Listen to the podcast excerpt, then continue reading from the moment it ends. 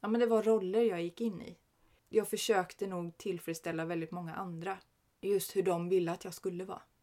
Hur de önskade att jag skulle vara. Men jag var inte sån egentligen.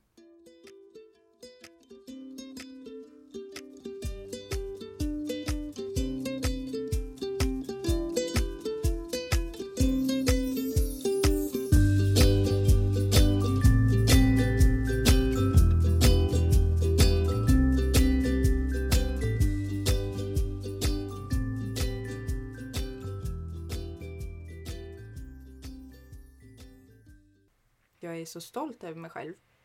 Eh, för förra veckan så skulle min, min man och min son och hela egentligen vårt kompisgäng Mm. åka ut och kampa. Och jag, jag vet ju det, att jag mår inte bra av det. Vi var ju 13 vuxna och 11 barn. så det var ju ganska mycket folk som Ja, bodde i en liten klump liksom, på campingen. Och vi gjorde ju det förra året också och åkte iväg. Fast då var vi tre familjer. Ja, då var vi bara tre. Mm. Och jag mådde inte alls bra.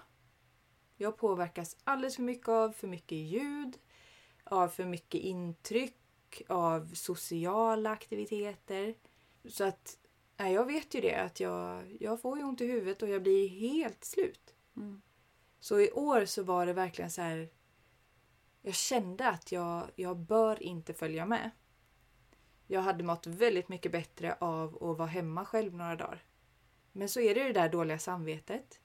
När man vet att man har en son som jättegärna vill att man följer med. Och en man. Alltså man vill ju gärna vara både en bra fru och en bra mamma och en bra vän och en bra syster. Och, och så har man den där dragkampen i sig.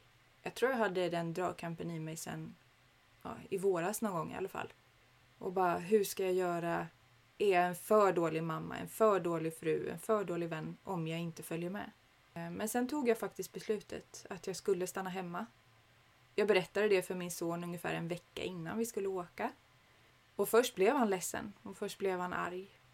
Eh, och sådär. Men det höll i sig kanske tio minuter. Och sen var han liksom fine med det. Mm. Och det gick ju jättebra. Mm. Sen var han ju väldigt sådär när jag skulle, när de skulle åka. Så sa jag ju det att jag kommer sakna dig och det är okej liksom att vi saknar varandra och så. Och då sa ju han att jag kommer inte sakna dig mamma. Jag kommer inte tänka på dig, jag kommer inte vilja prata med dig.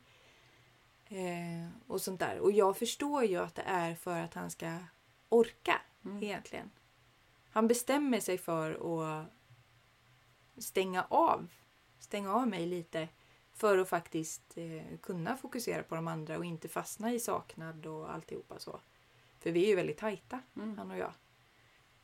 Och jag förstår det och det gäller ju att inte ta det där personligt. För han menade ju inte att vara elak, han menade ju bara så här för att orka och vara ifrån dig i fyra dagar så måste jag göra så här. Mm. Rent sakligt. Ja. Och jag ångrade inte en sekund att jag var hemma. Jag hade lyckokänslor. Mm. Det bara bubblade i mig. Den första dagen, den första morgonen efter att de hade åkt, så lät jag kroppen sova så länge som den ville. Och då, då vaknade jag halv två. Och mådde så jäkla bra. Mm. Jag mådde jättebra. Förlåt att jag säger jäkla. Jag tycker inte att det är ett svärord, men vissa tycker det. Och eh, Jag ber om ursäkt. Men eh, nej, som sagt, jag sov till klockan två. Och så gick jag bara runt och skrota hemma och gjorde precis vad jag själv kände för. Jag städade och organiserade våra garderober och sånt gjorde jag. Samtidigt som jag kollade på serier. Och sen gick jag ut. Jag åt middag vid typ åtta på kvällen. Och sen gick jag ut och plockade blåbär vid nio, halv tio och gick en kvällspromenad. Bara för att jag kunde. Bara för att jag fick välja själv. Mm. Och jag tror att det är just den där frihetskänslan. Friheten att få göra vad man vill när man vill på något vis. Den tycker jag är magisk.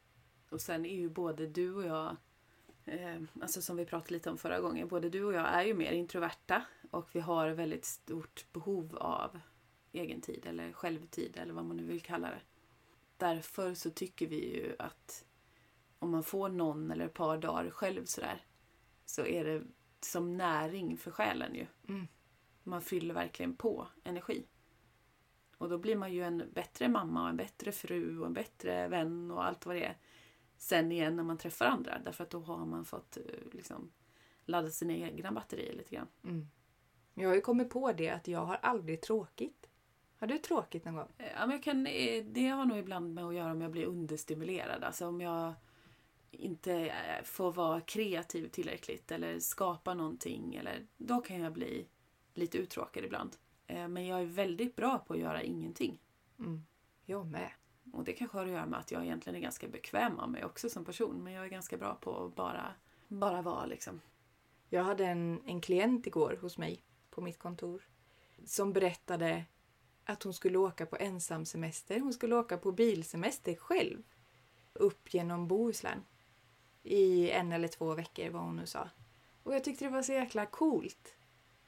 Faktiskt. Hon var jätteladdad och bara det här ska bli så kul.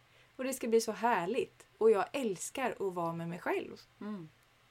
Och kunna, det är just den här frihetsgrejen tror jag. Inte behöva anpassa sig, inte behöva kompromissa utan just få göra, göra vad man vill. Och i sin egen takt. Och, och jag tycker det är modigt. Mm. Jag tycker det är modigt att att våga stå för det för det första. Just det där att jag vill åka själv. Jag väljer att åka själv. Ja, jag trivs bra i mitt eget sällskap. Jag behöver ingen annan för att, för att liksom må bra Nej. och ha det är ju kul. lycka egentligen att känna så. Alltså, Ja, jag tror att det är många som skulle vilja känna så men som Mm. tycker det är jättesvårt. Mm, Eller som verkligen inte trivs med att vara själva. nej. Det handlar nog också mycket om det här med att vara introvert eller extrovert tror jag. Mm. Säkert. Precis lika jobbigt som, eh, som vi kan tycka, eller vi introverta kan tycka att det är att vara med andra hela tiden. Så tror jag att extroverta kan tycka att det är att vara själva. Och att det också på något vis skaver i ändå. Jag tänkte det, i det här avsnittet ska vi ju egentligen prata lite mer om dig Karo. Eh, och om din egen livsberättelse, höll jag på att säga. Låter som du är hur gammal som helst. Men, men jag tänkte innan vi kommer in på det så kanske vi skulle nämna lite om de här fyra grundkriterierna inom högkänslighet. För jag tror aldrig vi tog upp det i förra avsnittet. Mm. Ja, men det kan vi göra. Det är ju så, för att räknas som högkänslig så ska man ju sen man var liten eller sen födseln ha liksom haft med sig de här fyra olika delarna då. Eh, och det är fyra bokstäver och det är D-O-E-S, DAS på engelska. Där D står för eh, det djupa bearbetandet. Eh, och det handlar om att vi som är högkänsliga ofta behöver kanske lite längre tid på oss innan vi går in i nya grejer. Vi behöver kanske iaktta en stund. Ehm, vi bearbetar tankar ehm, på en, en djupare nivå än vad många andra gör. Och kan lätt fastna i liksom katastroftankar och ältande. Och vi tänker mycket helt enkelt och Mm. processar mycket. Man Eh. brukar väl säga att vi har ett rikt inre liv typ. Alltså just att det, Mm. det händer mycket i Ja, ja, våra tankar och känslor och alltihopa. Mm. Och ofta ganska bra fantasi också. Mm. Eh, och sen O står för att vi lättare blir överstimulerade. Vi blir ja, stressade. Och eh, det påverkas egentligen av alla de här andra tre kriterierna då. Alla människor kan ju egentligen bli överstimulerade men vi hamnar där snabbare och lättare och Mm. kanske oftare än andra icke högkänsliga. Sen E står för hög empatisk förmåga och emotionell mottaglighet.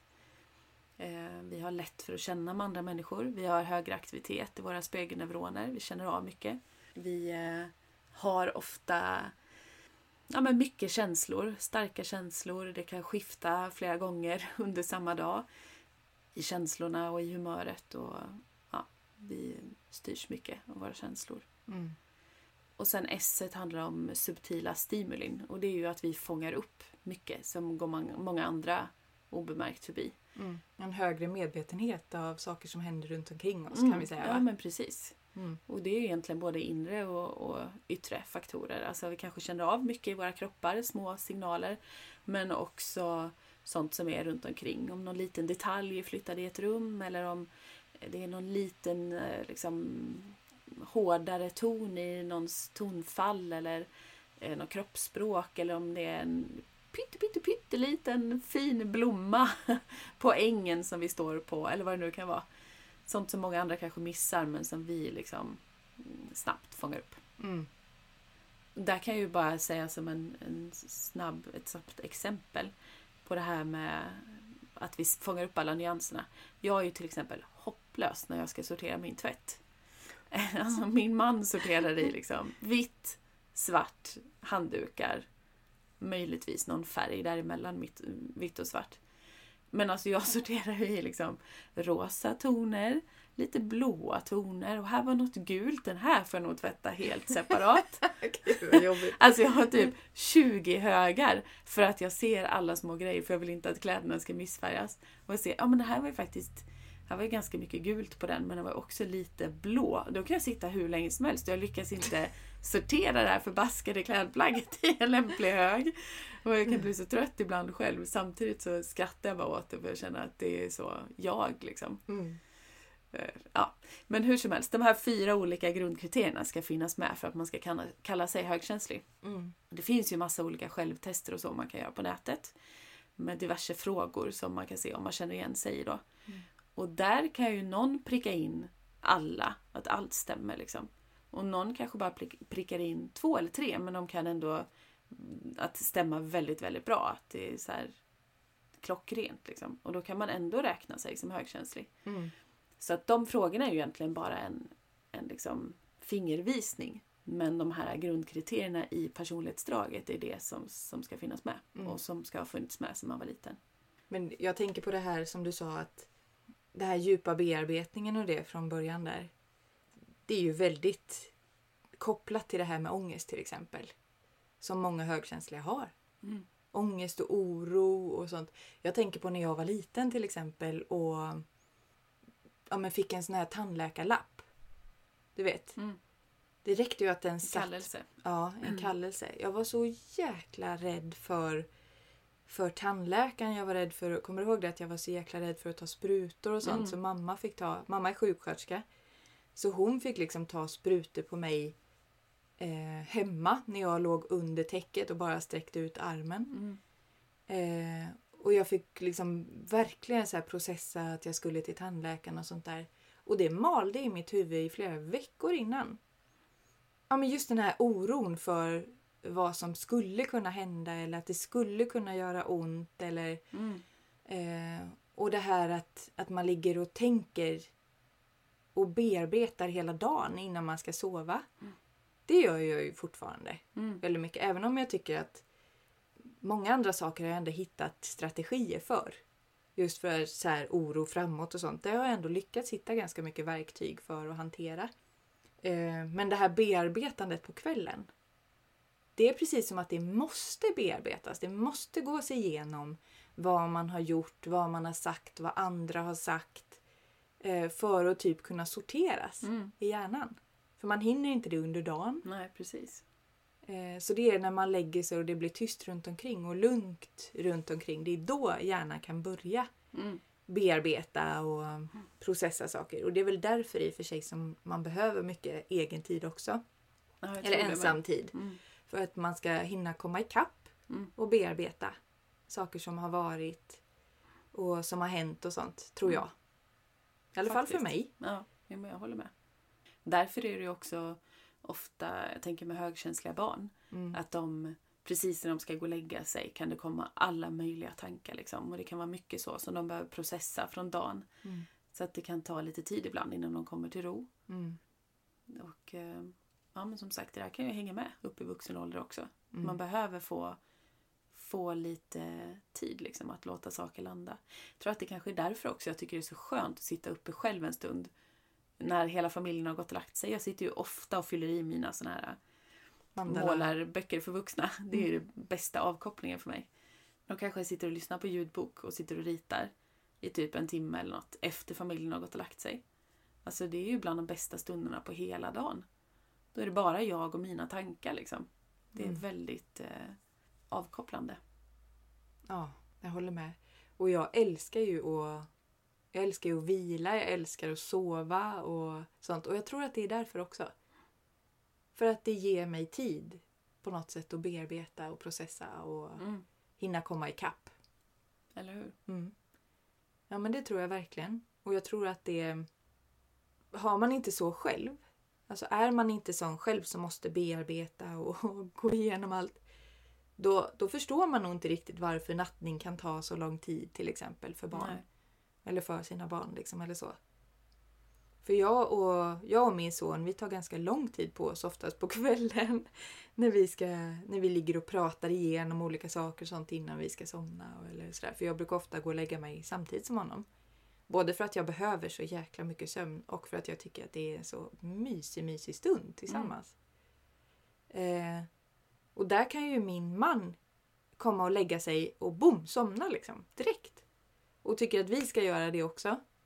Och vi klarar inte det. Vi måste få prata igenom dagen. Vi måste få prata igenom olika saker. Eller jag brukar låta honom i alla fall få den tiden. Mm. Och om man tar upp saker som man kanske tänker på och sånt där. Och jag tror att det är viktigt för många högkänsliga Mm. att få den tiden på kvällen.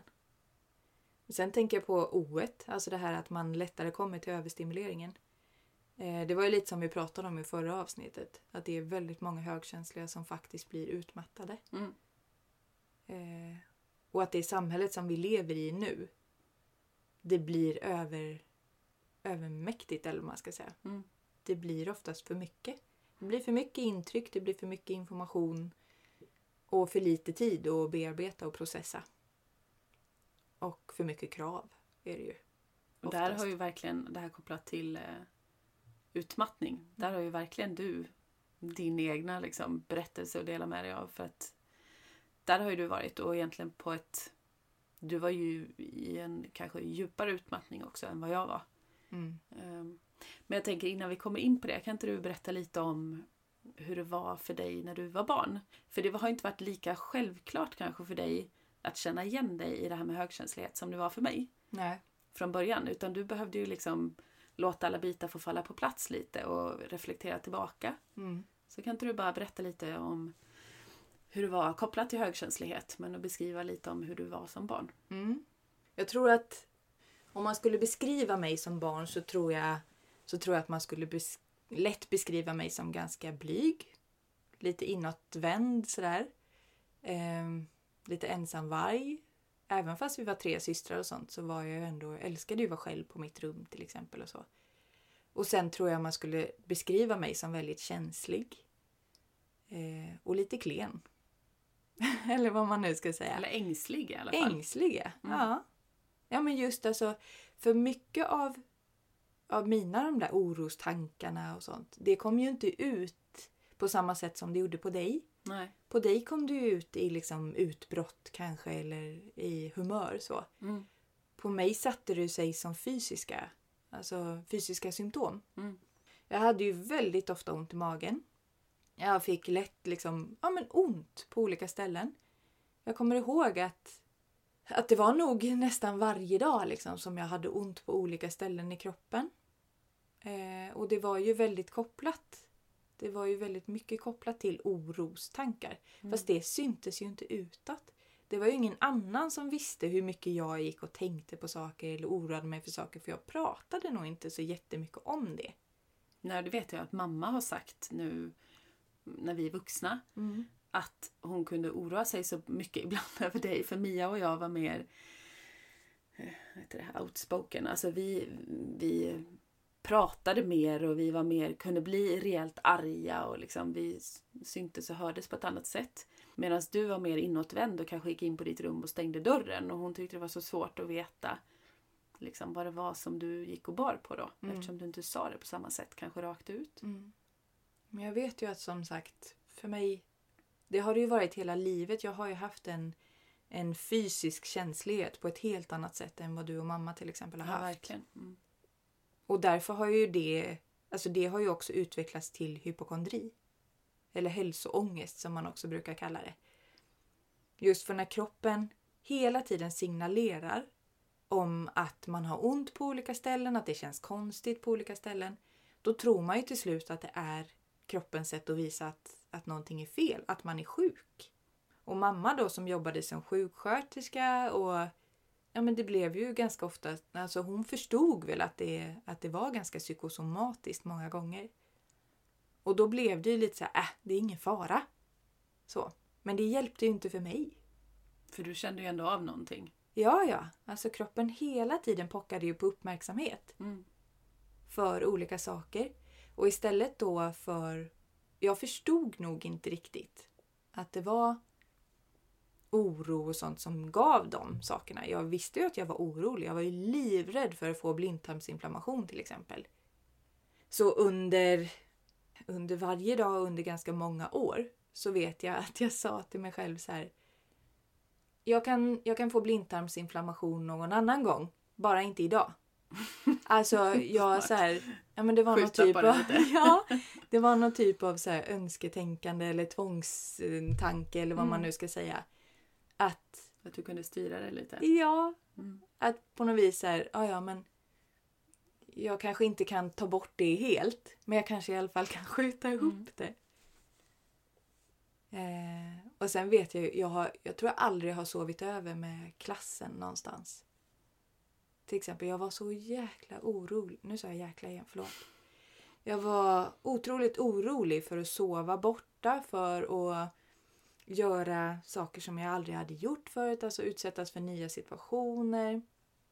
Jag var rädd för väldigt, väldigt mycket när jag var liten. Det var ju du också, men jag var det på ett annat sätt och det Mm. kom till uttryck på ett annat sätt. Undrar hur mycket vi smittade varandra med den där oron. Kan jag det tänka gjorde vi nu. säkert också. Jag var ju också livrädd för att få blindtarmsinflammationer. Var du? Ja, verkligen. Och tinnitus och allt möjligt. Ja. Alltså det var ju vissa sådana grejer som var mina skräck, liksom, sjukdomar. ja. Som jag var livrädd för. Jag vet inte var vi fick det här med blindtarmsinflammation ifrån. Vi, vi känner ju knappt någon som, har, någon som har fått det. Och nu gör vi ju det, men vi gjorde nog knappt det ändå tror jag, när vi var barn. Fast det räckte väl i och för sig att man hörde, hörde någon annan eller såg på nyheterna eller att någon hade dött av brusten blindtarm eller något du vet så här. Så satte ju det sig säkert. Men och sen har vi ju alltid varit ganska känsliga i magen, både du och jag. Ja. Från början, alltså vi blev ju laktosöverkänsliga när vi var små. Mm. Så vi hade ju ganska mycket ont i magen. Och för mig har min akilleshäl alltid varit magont. Mm. Alltså jag får ångest av magont. Jag tror ju typ att jag ska dö liksom. Och du har haft mycket oro och mycket magont. Mm. Så det kanske var kopplat till det också. Att vi tänkte så här. Om alla säger att det är så vidrigt som det är och vi hatar magont. Då måste det här vara det värsta som finns på hela jorden. Typ. ja, kanske det. Att få blindtarmsinflammation. Mm. Men jag tänkte ändå på det när vi bodde inne i Stockholm när vi var små. Mm. Var det inte där det var mögel i någon lägenhet? Jo. Och du fick ju bo hos farmor och farfar länge. Alltså en, minst en månad va? Kanske Mm. var längre. Ja, för att jag faktiskt inte tålde det. Nej. Nej. Eller för, du att jag var överkänslig mot det. Ja, det var inte att jag fick någon så kraftig stressreaktion. Men jag vet att jag, jag hade ont i huvudet varje dag och att jag blev... Jag kommer inte riktigt ihåg hur jag påverkades men jag vet i alla fall att, att jag påverkades. Och då var ju du ganska liten. Du måste ju vara typ... Sex. Ja, ja, var det när vi byggde huset då kanske? Ja, innan vi flyttade till Åkersberga. Ja, sex var det kanske då. Ja. ja, men det vet jag. Och jag vet att jag har ju alltid varit det där med att, att snappa upp saker som andra inte märker och sånt. Det har ju jag gjort kroppsligt. Mm. Jag har ju reagerat även i vuxen ålder. När det har varit fukt i någon vägg eller någonting så är det ju jag som reagerar snabbast. Alltid. På Mm. jobb och allting. Så bara, här mår jag konstigt. Här är det någonting i, i byggnaden så. Och då har det ju varit det. Men du har ju en känslig kropp, Mm. verkligen. Mm. Och typ, ja, men om det är någonting eller om du blir förkyld eller om du har huvudvärk eller om du, framförallt nu om du får för mycket, om du känner av för mycket stress. Mm. Då blir ju du sjuk i kroppen. Mm. Det blir Fysiskt inte jag på sjuka. samma sätt. Ja. Jag blir mer irriterad och vresig och känner att jag måste få backa. Men du blir fysiskt sjuk. Mm. Alltså du kan ju liksom ja, men må illa och kräkas och allt möjligt. Mm. Verkligen må dåligt. Det här katastroftankarna och orostankar och sånt där också. Det kommer jag ihåg när jag var... Ja men det var väl också kanske i 9-10 års åldern. Där, där du började utveckla tvångs, tvångstankar och tvångshandlingar och sånt. Där gick ju jag upp varje kväll under ja, minst ett år i alla fall. Och gick och lyssnade vid trappan för att höra om pappa andades. Mm. Och jag var livrädd för att det skulle börja brinna i vårt hus. Och jag var livrädd för att mamma och pappa skulle skiljas. Och jag hade ju de här, den här inre stressen, inre oron för att någonting skulle hända. Mm. Nära till katastroftankar hela tiden. Ja, och just den här oron liksom så. Som gick och spökade. Jag, var, jag hade hört någonting om någon våldtäkt eller vad det nu var. Ja men hyfsat i vårt närområde så. Och det var ju också någonting. Alltså så de här, det här rädd, rädslan för att det skulle börja brinna, rädslan för att pappa speciellt då skulle dö. Eller någon annan skulle dö. Rädslan för att någon skulle bli våldtagen fast jag visste knappt vad det betydde. Eh, det snurrade ju i mig varje dag, varje kväll. Och det var väl därför också som jag tyckte om att sova med dig till exempel. Mm. Eller att jag aldrig ville sova själv. Vi hade trygghet i varandra mycket tror jag. Ja, vi var rädda för, för saker båda två. Men vi blev modigare tillsammans på något vis. Ja, och man fick väl den här... Det var väl närheten och värmen och Mm. alltihopa det. Som ändå gjorde... Och så lyssnade vi på sagoband. Kommer du ihåg det? Mm, ja, ja, gud ja. Astrid. Lindgrens, jag kan ju dem utan till Mm. typ fortfarande. Det ger mig fortfarande någon typ av lugn och trygghet Mm. att lyssna på dem. Mm. Men så att jag hade ju väldigt mycket oro. Oro, rädslor och sånt när jag var liten. Som ofta kom till uttryck då i Mm. fysiska saker. Men sen tänker jag ju samtidigt där när du blev lite äldre, när du var ja, men kanske 11, 12, 13, 14, 15 någonting. Du hängde ju mycket i stallet. Mm. Du var ju ändå tuff liksom. Alltså du, du tog ju an dig den här lilla hästen Mille eller vad han hette. Mm. eh, Som ändå väl var ganska liksom pigg och ettrig så. Du ramlade ju av någon gång och du var ju tre liksom gånger inte... under tre loppet av gånger till tre och med. veckor. Du var ju inte rädd för att liksom ta i med hårdhandskarna så. Nej. Så att du var ju inte... På det sättet var du inte försiktig. Alltså där hade du ju även lite sån här äventyrslust Mm. i dig. Mm. Eh, och det är lite det tror jag också som skiljer dig och mig mycket åt. Alltså Mm. du, du har nog mer av det här sensationssökande i dig. Jag har inte det alls. Mm. Nej, det är sant. Eh, det har jag alltid haft med. Och det har ju nästan förstärkts bara med åldern. Mm. Tycker jag. Eller förstärks, jag vet inte. Men jag är ju... Jag skulle ju ganska lätt kunna hoppa fallskärm till exempel. Mm. Nu också. Nu har jag gjort det förut en gång. Men eh, sånt är jag inte rädd för. Nej. Jag gillar ju lite äventyr så. Jag gillar ju- att upptäcka nya platser och um, göra nya saker och så. Sånt är jag inte rädd för. Där jag alltid vill vara så här, kan vi inte åka till, tillbaka till samma ställe? Kan vi inte göra så här som vi gjorde förra gången? Det är så tryggt och bekant. Så vill ju du se nytt. Mm. Alltså vi var ju i eh, vi var ju i Thailand i två veckor med våra pojkvänner då var det ju för massa år sedan. Och eh, för jag kände ju så här, ja men man ska backpacka jorden runt. Det är bara en sån sak man ska göra när man är ung. Du gjorde ju det när jag gick sista året på gymnasiet. Och jag har alltid känt så här, jag är inte den personen. Men det är tydligen så man ska göra, annars är det något fel på mig liksom, om inte jag vill backpacka. Ja, ja, men vi kan i alla fall åka till Thailand i två veckor, så jag har åtminstone varit där. och jag kommer ihåg så tydligt när vi var på flyget på väg hem och även i, i bilen på väg hem hit sen till Halmstad. Och jag och min pojkvän var så här. Åh, det är svenska trafikskyltar och man fattar vad folk säger och det är svensk mat och det ska bli så härligt att komma hem. Och du och din pojkvän bara Fy fasen så tråkigt att komma hem. Alltså vi hade lätt kunnat stanna i Thailand i ett par månader till och åh vad tråkigt att allting är precis som vanligt nu igen. Alltså där är vi ju som dag och natt du och jag. Mm. Och du har ju också alltid tyckt om när det har blivit lite hetska diskussioner, när man tycker lite olika. Du tycker att det är spännande Mm. med olika åsikter. Jag tycker det är skitläskigt. Jag får ju bara så här, jag blir bara konflikträdd. Mm. Inte lika mycket nu för tiden, men när vi var yngre. Mm. Och där har ju du också varit med så här, åh vad intressant, han tycker något annat. Och du har ju inte varit rädd för att liksom stå upp för din åsikt. Nej. Och ge dig in i sådana diskussioner med pappa och så som har varit också ganska så här, är jag med klar över vad han har tyckt. Mm. Så. Jag är mycket mer backat där och bara okej, okej, vi säger väl det. Bra, hej då. Gått därifrån. Ja. Så att, eh, ja. Du, du tycker ju mer att det är spännande när det liksom händer lite. När det är lite omväxling och när det liksom är lite förändring så. Mm. Än vad jag tycker. Ja, ja, visst. Ja, men det gör jag ju. Men jag tänker också även på det här att jag som liten beskrevs liksom som ganska inåtvänd och ganska introvert liksom och sådär. Och sen som vuxen så skulle jag nog, alltså i 20-årsåldern, 20-25, då tror jag de flesta skulle beskriva mig som ganska utåtriktad. Mm. Och ganska på gymnasiet också. extrovert. det. Ja. Mm. Eh, men jag har, ju, jag har ju reflekterat lite över det där. Och jag vet, jag vet att när jag var... Ja men säg när jag var i, ja men det var kanske där 9, 10, 11 års åldern. Så, så märkte jag ju att att vara den här lilla blyga, ganska inåtvända liksom sådär. Det var inte speciellt populärt. Det var inte de personerna som fick mycket kompisar eller fick pojkvänner eller så. Så jag tror att det blev ganska mycket att jag tittade på hur de populära människorna gjorde och hur de var och försökte vara likadan. Alltså mm. så att jag gick in i en, i en roll som jag trodde och kanske också märkte att andra tyckte mer om. Och där, där fastnade jag. Alltså ja, där, där var ju du ganska länge. Ja. Egentligen. Ja. Eh, nästan upp i ja, men nästan 30-årsåldern väl, 25 kanske i alla fall. Mm. Jag mådde ju skit. Mm. I många år liksom. Fysiskt då.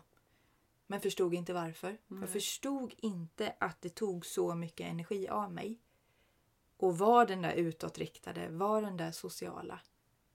Utan jag trodde att det var den jag hade blivit. Mm.